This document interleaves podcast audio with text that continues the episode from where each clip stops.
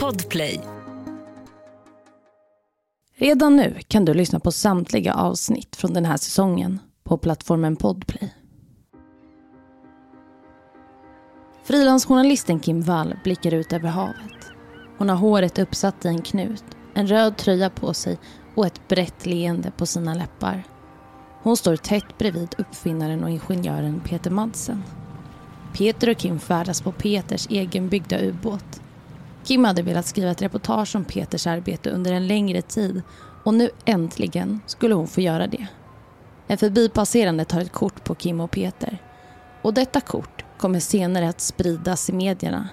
Detta kort ska bli det sista på Kim Wall i livet. Du lyssnar på Jakten på mördaren. En podcast av Saga Lindqvist Brinkhorn. Jag vill varna för grovt innehåll i dagens podcastavsnitt. Det är torsdag den 10 augusti 2017. Vi befinner oss i Danmark, Köpenhamn. Det är en varm sommardag och solen skiner. Kim och hennes pojkvän Max har fest. Kims pojkvän heter egentligen något annat men han vill gärna inte att medierna använder hans riktiga namn. Max och Kim har bestämt sig för att flytta till Kina, Peking. Men innan dess ska de ha en liten avskedsfest. Familj och vänner sitter samlade i solen på en gräsplätt intill vattnet. Kim har dock ett dilemma. Hon är ju på den där festen för att säga hej då till sin familj och sina vänner innan flytten till Kina. Men under festen får Kim ett erbjudande som gör att hon måste fundera på om det kan vara värt att lämna festen i några timmar. Ingenjören Peter Madsen hade bjudit Kim till sin ubåt för en intervju. En intervju som Kim under en längre tid velat få till. Och nu var det sista chansen. För snart skulle Kim och Max flytta. Intervjun med Peter var den sista pusselbiten i ett reportage som Kim arbetat med under en längre tid. I ett senare skede var det tänkt att reportaget skulle säljas till ett amerikanskt magasin. Så hur skulle hon nu göra? Vara kvar på festen eller åka därifrån en stund? Kim bestämmer sig för att möta upp Peter vid hamnen i Köpenhamn. Planen är att hon efter ubåtsturen ska återvända till festen. Men så skulle det inte bli. Klockan 19 på torsdagen den 10 augusti lämnar ubåten Köpenhamns hamn med Kim och Peter ombord. Tiden går. Kim hade nu varit borta i flera timmar. Max och Kims anhöriga blir oroliga. Vad har Kim tagit vägen och varför hör hon inte av sig? Hon skulle ju komma tillbaka till festen. Men nu hade inte Kim återvänt. Max tänker att Kim kanske blivit trött och åkt hem efter ubåtsfärden. Men när han går in i deras bostad är inte Kim där. Klockan två, natten den 11 augusti, ringer Max 114. Det är numret till SOS i Danmark, motsvarande 112 i Sverige. Max anmäler Kim som försvunnen och berättar att hon har varit på en ubåtsfärd tillsammans med Peter Madsen. Klockan 20.16 kvällen den 10 augusti hade Max fått ett sista livstecken från Kim. Hon hade skrivit några sms i följd. Hon skrev så här. Jag är fortfarande vid liv förresten. Men jag går ner nu. Jag älskar dig. Han har med kaffe och kakor också. Vi stannar upp här lite. Jag tänker att ni ska få en större bild för vem Kim är och vem Peter är vid den här tidpunkten. Kim var en berest frilansjournalist och arbetade åt ansedda tidningar som exempelvis New York Times. Hon ville ge en röst åt subkulturer och marginaliserade människor, det vill säga människor som inte på egen hand kunde förändra sin livssituation till det bättre. Hon gillade att skriva om annorlunda saker, människor med sin egna stil och personlighet. Och Kim brann verkligen för det journalistiska berättandet. Peter var just en sån person som intresserade Kim, för han var annorlunda och stack ut. Peter Madsen är en dansk ingenjör och uppfinnare. Han är för tidpunkten 46 år gammal och utvecklade bland annat raketmotorer, raketbränsle och ubåtar. Kim och Peter åker på Peters egenbyggda ubåt Natilius UC3.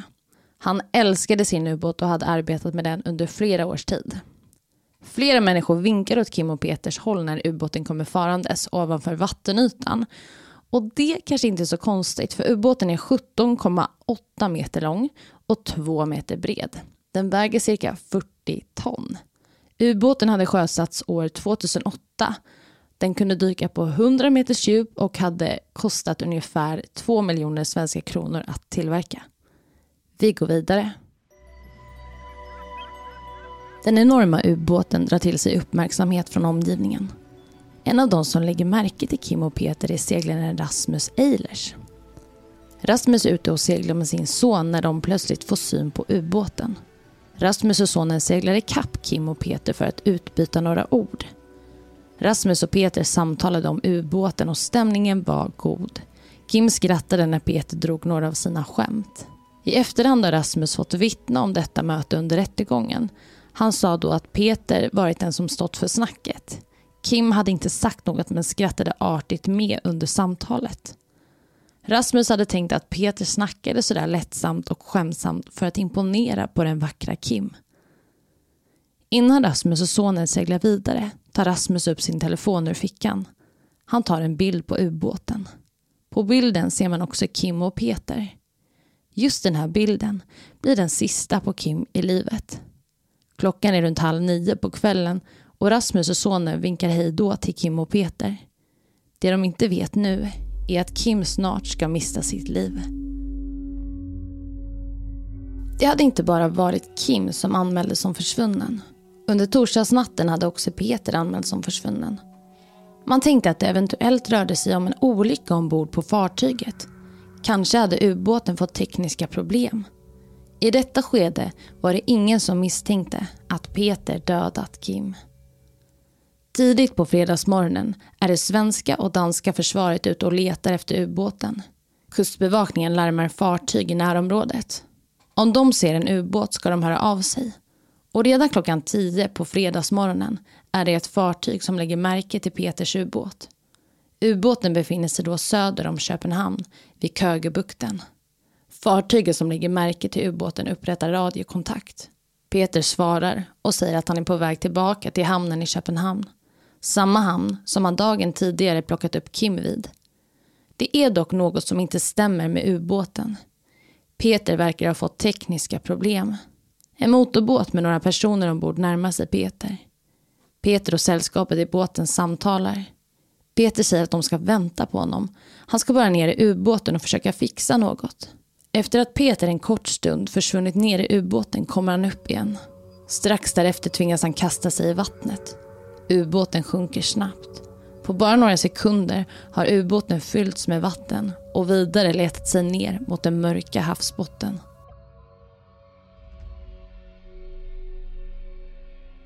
Efter räddningen, som det fått heta i media, går Peter i land. Han är blöt och möts av ett litet kamerateam som frågar Peter hur han mår. Han säger så här. Jag mår bra. Jag är lite ledsen över det, men okej. Okay. Journalisten frågar. Du är ledsen över det? Peter svarar. Ja, det är klart. Eftersom att Natilius har sjunkit. Peter säger att han varit ute på en tur med ubåten när något hänt med ballasttanken. En ballasttank är något som de flesta moderna fartyg har i botten på sina fartyg. Denna tank kan exempelvis fyllas med vatten. Peter säger att problemet egentligen inte varit allvarligt. Men när han försökt reparera tanken hände något. Allt hade gått väldigt, väldigt snabbt. Ubåten började sjunka. Peter fick skynda sig upp på däck för att sedan hoppa i vattnet. Hela ubåten hade sjunkit på 30 sekunder. Peter hade därför inte hunnit stänga luckorna på ubåten. Men Peter var välbehållen. Allt hade under omständigheterna gått bra. Polisen förhör Peter. Han säger att han varit ensam ombord på ubåten då den sjunkit. Kim hade han lämnat kvällen innan, runt klockan 11 på torsdagskvällen, precis som de hade bestämt. Men var det verkligen så? Polisen tror inte på Peters berättelse. Det är något som inte stämmer. Efter förhöret häktas Peter. Han tros ha orsakat Kims död på grund av oaktsamhet.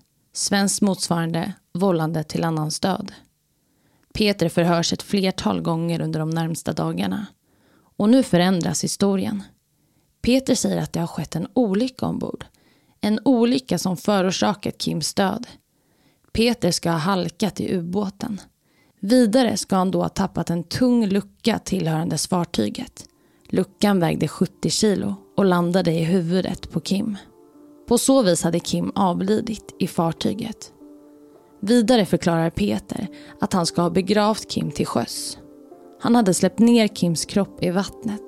Han vet inte exakt vart han placerade kroppen men säger att det varit i närheten av Kögebukten. Kroppen ska ha varit intakt. Peters advokat Bettina Hald Engmark blir intervjuad av medierna. Journalister frågar varför Peter nu förändrar sin historia. Bettina menar att han gör det på grund av chock. Peter hade varit med om en traumatisk händelse och därför inte riktigt vetat vad han sagt tidigare. Nu hade allt landat och därför kunde han formulera det som faktiskt hänt. Peter kan inte svara på varför han inte ringt till SOS. Kanske var det chocken som gjorde honom handlingsförlamad. Polisen tycker att allt är väldigt skumt. Han hade dumpat Kims kropp efter en olycka. Därefter hade han sänkt sitt egna fartyg. Varför det? Med tiden ska Peter förändra sin historia ytterligare en gång.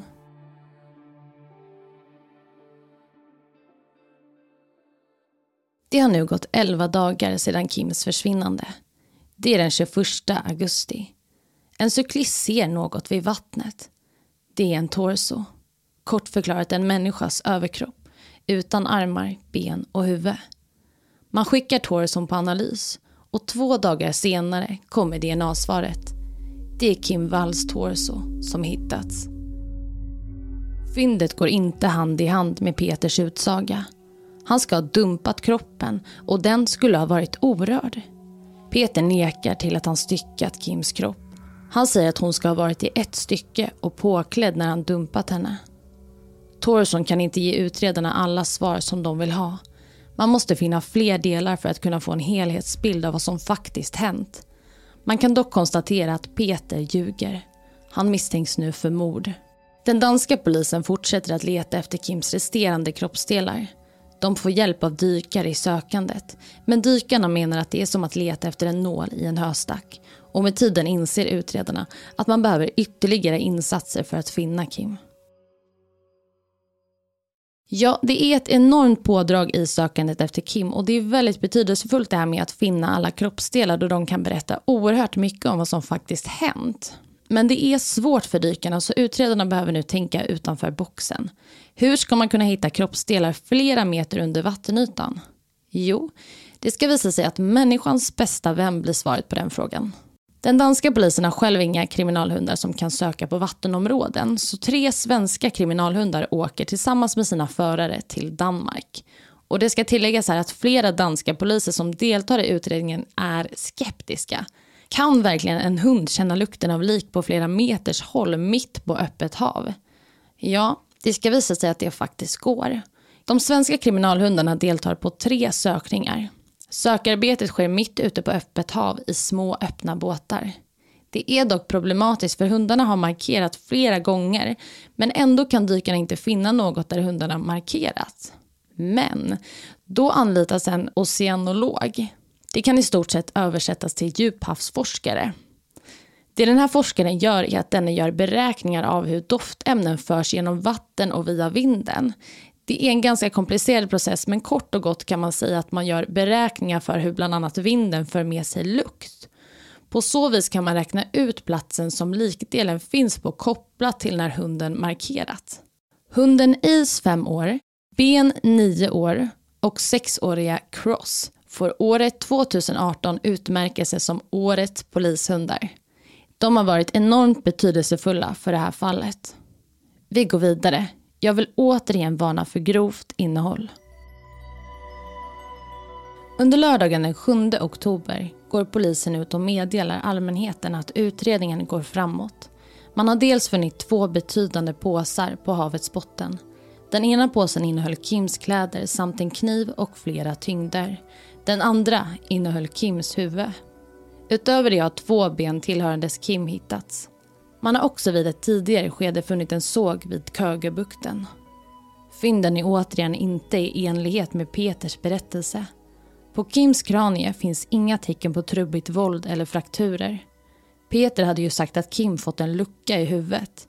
Men det ska ha varit ren och skär lögn. Peter förändrar sin historia igen. Nu säger han att Kim har dött av en koloxidförgiftning. Peter ska ha befunnit sig på däck och Kim hade befunnit sig nere i ubåten när något hade gått fel. När Peter kommer ner i ubåten ser han att Kim ligger där livlös. Därefter ska Peter ha styckat Kims kropp och begravt henne. Tekniker har funnit sticksår i nedre delen av Kims bål. Enligt polisen tyder det på att mordet kan ha haft ett sexuellt motiv. Peter är nu också misstänkt för sexualbrott med särskilt försvårande omständigheter. Familj, vänner och kollegor sörjer. Ingrid Wall, Kims mamma, håller ett tal för allmänheten. Medierna är där och rapporterar. Ingrid säger att hennes dotter Kim varit en erkänd och modig journalist. En journalist som gav en röst åt människor som själva inte kunde förändra sitt öde. Vidare säger Ingrid att hennes dotter skulle intervjua ubåtsägaren Peter.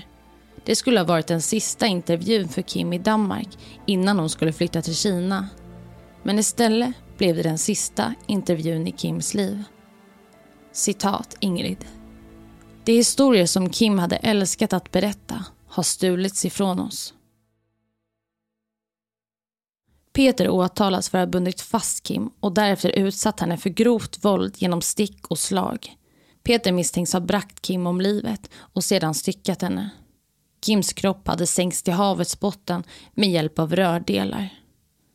Peter ska också ha satt andra människors liv i fara när han färdats med ubåten. Han hade vid ett tillfälle varit nära att kollidera med ett fraktfartyg. Detta hade resulterat i att ett annat fartyg fått ändra kurs.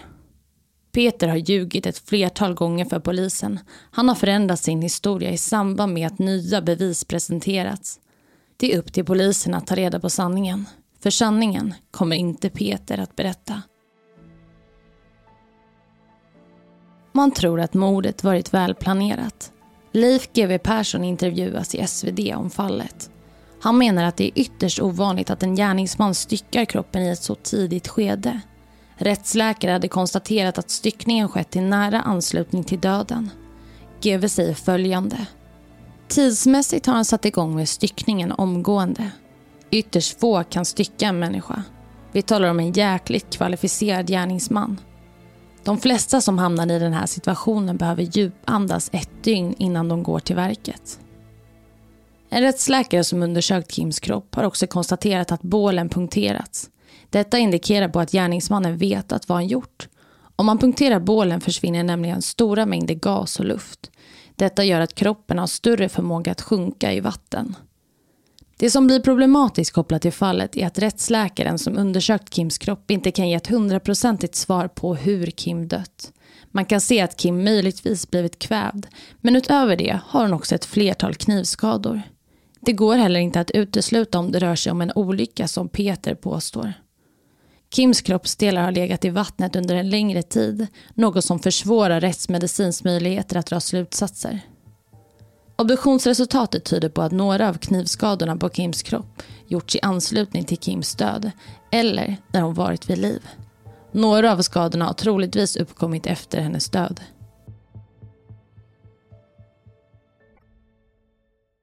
Ja, man misstänker ju att Peter planerat gärningen och det som bland annat tyder på att han kan ha planerat mordet är att han några dagar innan Kims död skickat sms till sin älskarinna. De här smsen tyder på att mordet varit just överlagt. Den här älskarinnan kommer jag att kalla för Malin.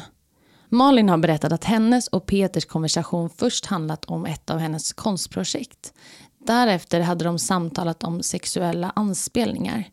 Det Peter skriver därefter tror Malin är ett skämt så hon skämtar med lite. Peter skriver nämligen att han har en mördarplan redo för ubåten. Och Malin skriver då att hon inte alls är rädd för han måste vara mer hotfull om hon ska bli rädd. Malin tror som sagt i det här skedet att Peter skojar och smsen blir bara mörkare och mörkare. Peter skriver att han ska bjuda över en vän till ubåten och att stämningen snabbt kommer att förändras. Han beskriver hur han och Malin börjar skära i väninnan som han bjudit över till ubåten. Ja, denna konversation ägde rum cirka en vecka innan Kims död. Den här textkonversationen ska också använts av Köpenhamns åklagarmyndighet som bevismaterial mot Peter Madsen. April 2018. Under den sjätte rättegångsdagen i Köpenhamns byrätt visas flertalet våldsamma filmer som hittats i Peters dator. Några av filmerna är animerade, andra är verkliga. Man vill försöka få fram en bild av hur Peters sexuella preferenser ser ut för att vidare kunna ta ställning till om mordet begåtts med sexuellt motiv. Det finns en film som visas i rätten som gör att åhörare och deltagare i salen tittar bort. Åklagaren beskriver filmen som ett verkligt kvinnomord. Det är alltså en kvinna på filmen som mördats på ett mycket brutalt sätt. Denna film ska Peter ha tittat på dagen innan mordet på Kim. Denna film hade spelats upp upprepade gånger i Peters dator. Något som fastställts av kunniga tekniker. Peter menar att han spelat filmen ett flertal gånger då den varit så obehaglig att han endast kunnat titta på filmen korta stunder under varje gång han satt på den. Han hade hittat filmen på nätet och tittat på den av ren nyfikenhet. När filmen visas upp i rättssalen tittar inte Peter på skärmarna. Han tittar bort.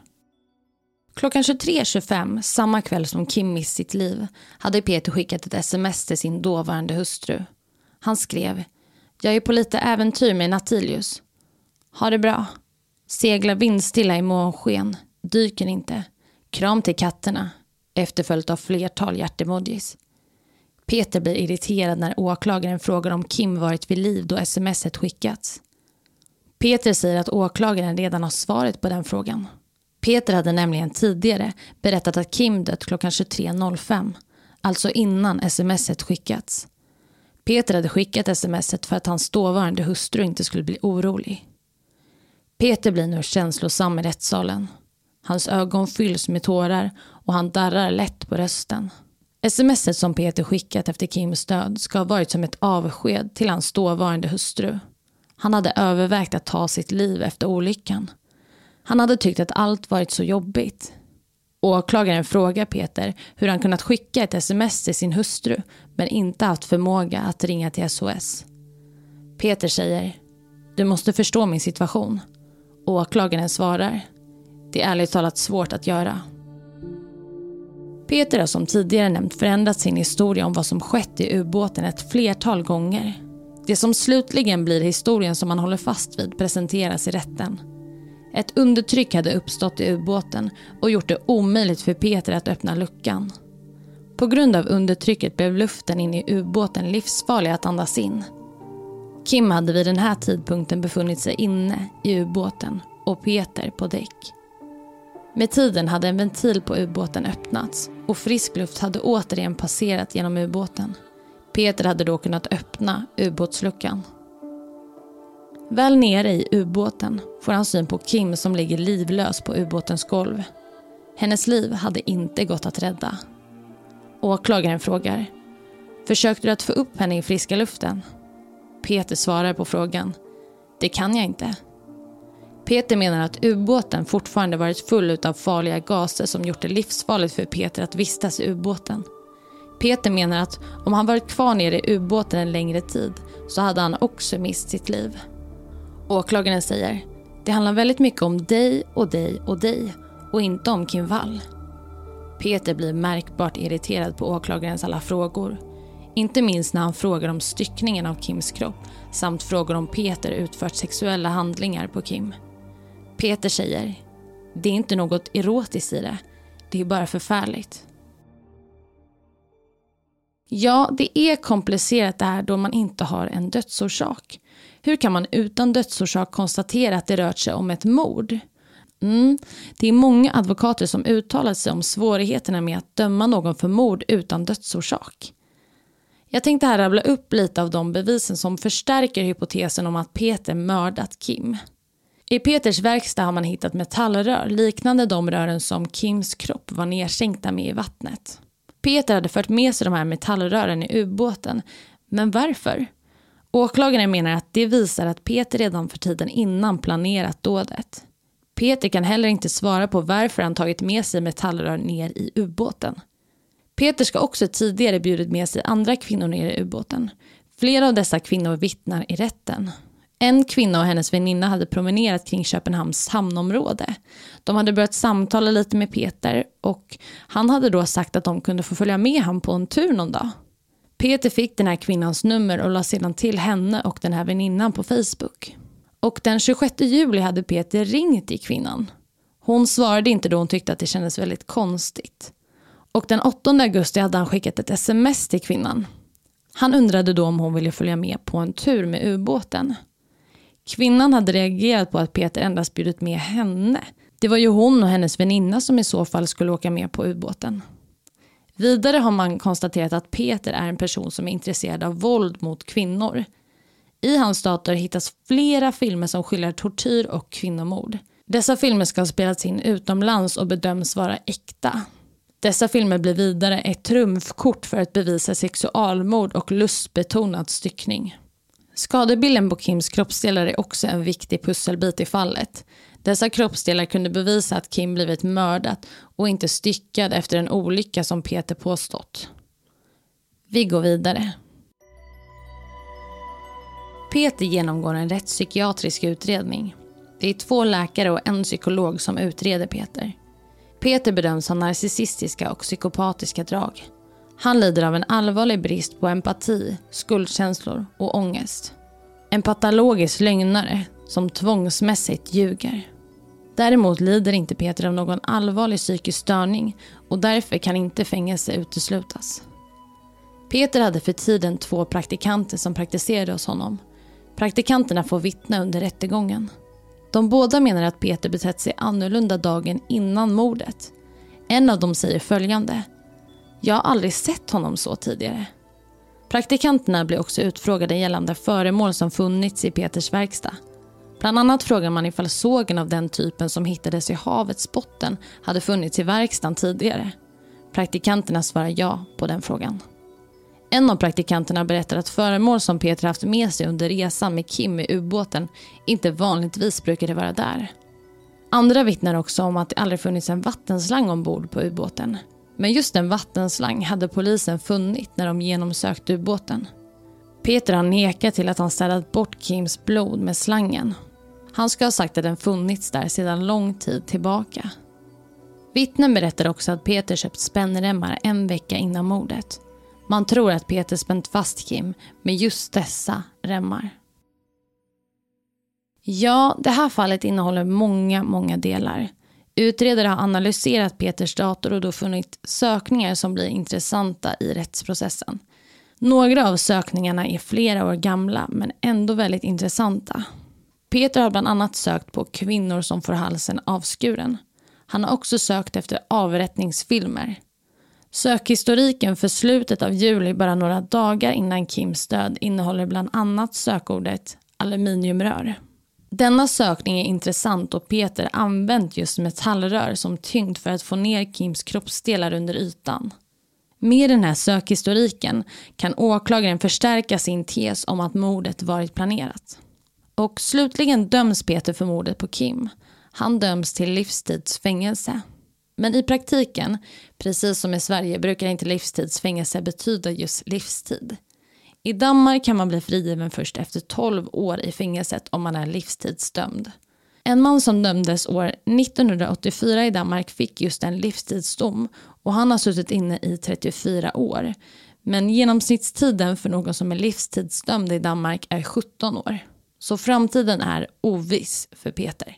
Peter överklagar dock domen och fallet tas upp i en högre instans, landsrätten. Landsrätten gör samma bedömning som tidigare, livstidsfängelse. Åklagaren tittar på Peter och säger Inget straff är för hårt för Peter Madsen. Peter får sitta inne på ett specialiserat fängelse för sexualbrottslingar. Och det händer ganska mycket under tiden som Peter har suttit i fängelset. Dels har han blivit attackerad av en medfånge. Han har också inlett en kärleksrelation med en av vakterna i fängelset. Denna vakt har senare fått sparken. Och Peter har ju under hela rättsprocessen nekat till att han dödat Kim. Men i en telefonintervju kommer sanningen slutligen fram. I alla fall en liten del av sanningen. Den danska journalisten Christian Linneman har samtalat med Peter via telefon. De två ska ha samtalat ungefär 20 timmar sammantaget. Christian spelade in de här samtalen och skapade sedan en dokumentär. Christian frågar Peter om det är han som dödat Kim. Peter svarar ja. Han säger följande. Jag vet inte vad det var konkret som gjorde specifikt eller fysiologiskt att Kim dog. Det är mitt fel att hon dog. Och det är mitt fel för att jag begick brottet. Allt är mitt fel. Peter säger att Kim triggat honom. Han menar att Kim fick honom att fullkomligt explodera. I oktober 2020 lyckas Peter rymma från fängelset. Peter hade lyckats tillverka ett pistolliknande föremål i fängelsets verkstad. Med hjälp av den här så kallade låtsaspistolen hade Peter hotat en psykolog i fängelset. Psykologen trodde att pistolen var äkta, liksom resterande personal. Vidare tvingade Peter psykologen att följa med honom samtidigt som han tryckte pistolen mot henne. I och med vapnet i Peters hand vågar ingen ur personalen ingripa. Med det sagt blev Peter utsläppt ur fängelset. Det blir såklart en enorm sökinsats efter Peter och redan efter fem minuter så hittar man honom. Han säger då att han har en bomb på sig och får således sitta på marken medan polisen riktar sina vapen mot Peter. Polisen står på avstånd i väntan på bombtekniker. Det tar cirka tre timmar men slutligen är Peter tillbaka i fängelset. Och det här var allt för dagens avsnitt. I nästa vecka kommer jag att berätta om fallet med Elisabeth och hennes två barn Charles och Brandon. Både Elisabeth och hennes barn ska gå mot ett mörkt öde och det är någon i familjen som ligger bakom brotten. Och om du inte orkar vänta till nästa vecka så finns avsnittet redan nu publicerat på plattformen Podplay. Om du vill komma i kontakt med mig kan du skriva till mig på Instagram där jag heter Saga Springkorn eller så kan du mejla till jakten på mordaren at springkorn.se. Tack för att du har lyssnat på dagens avsnitt.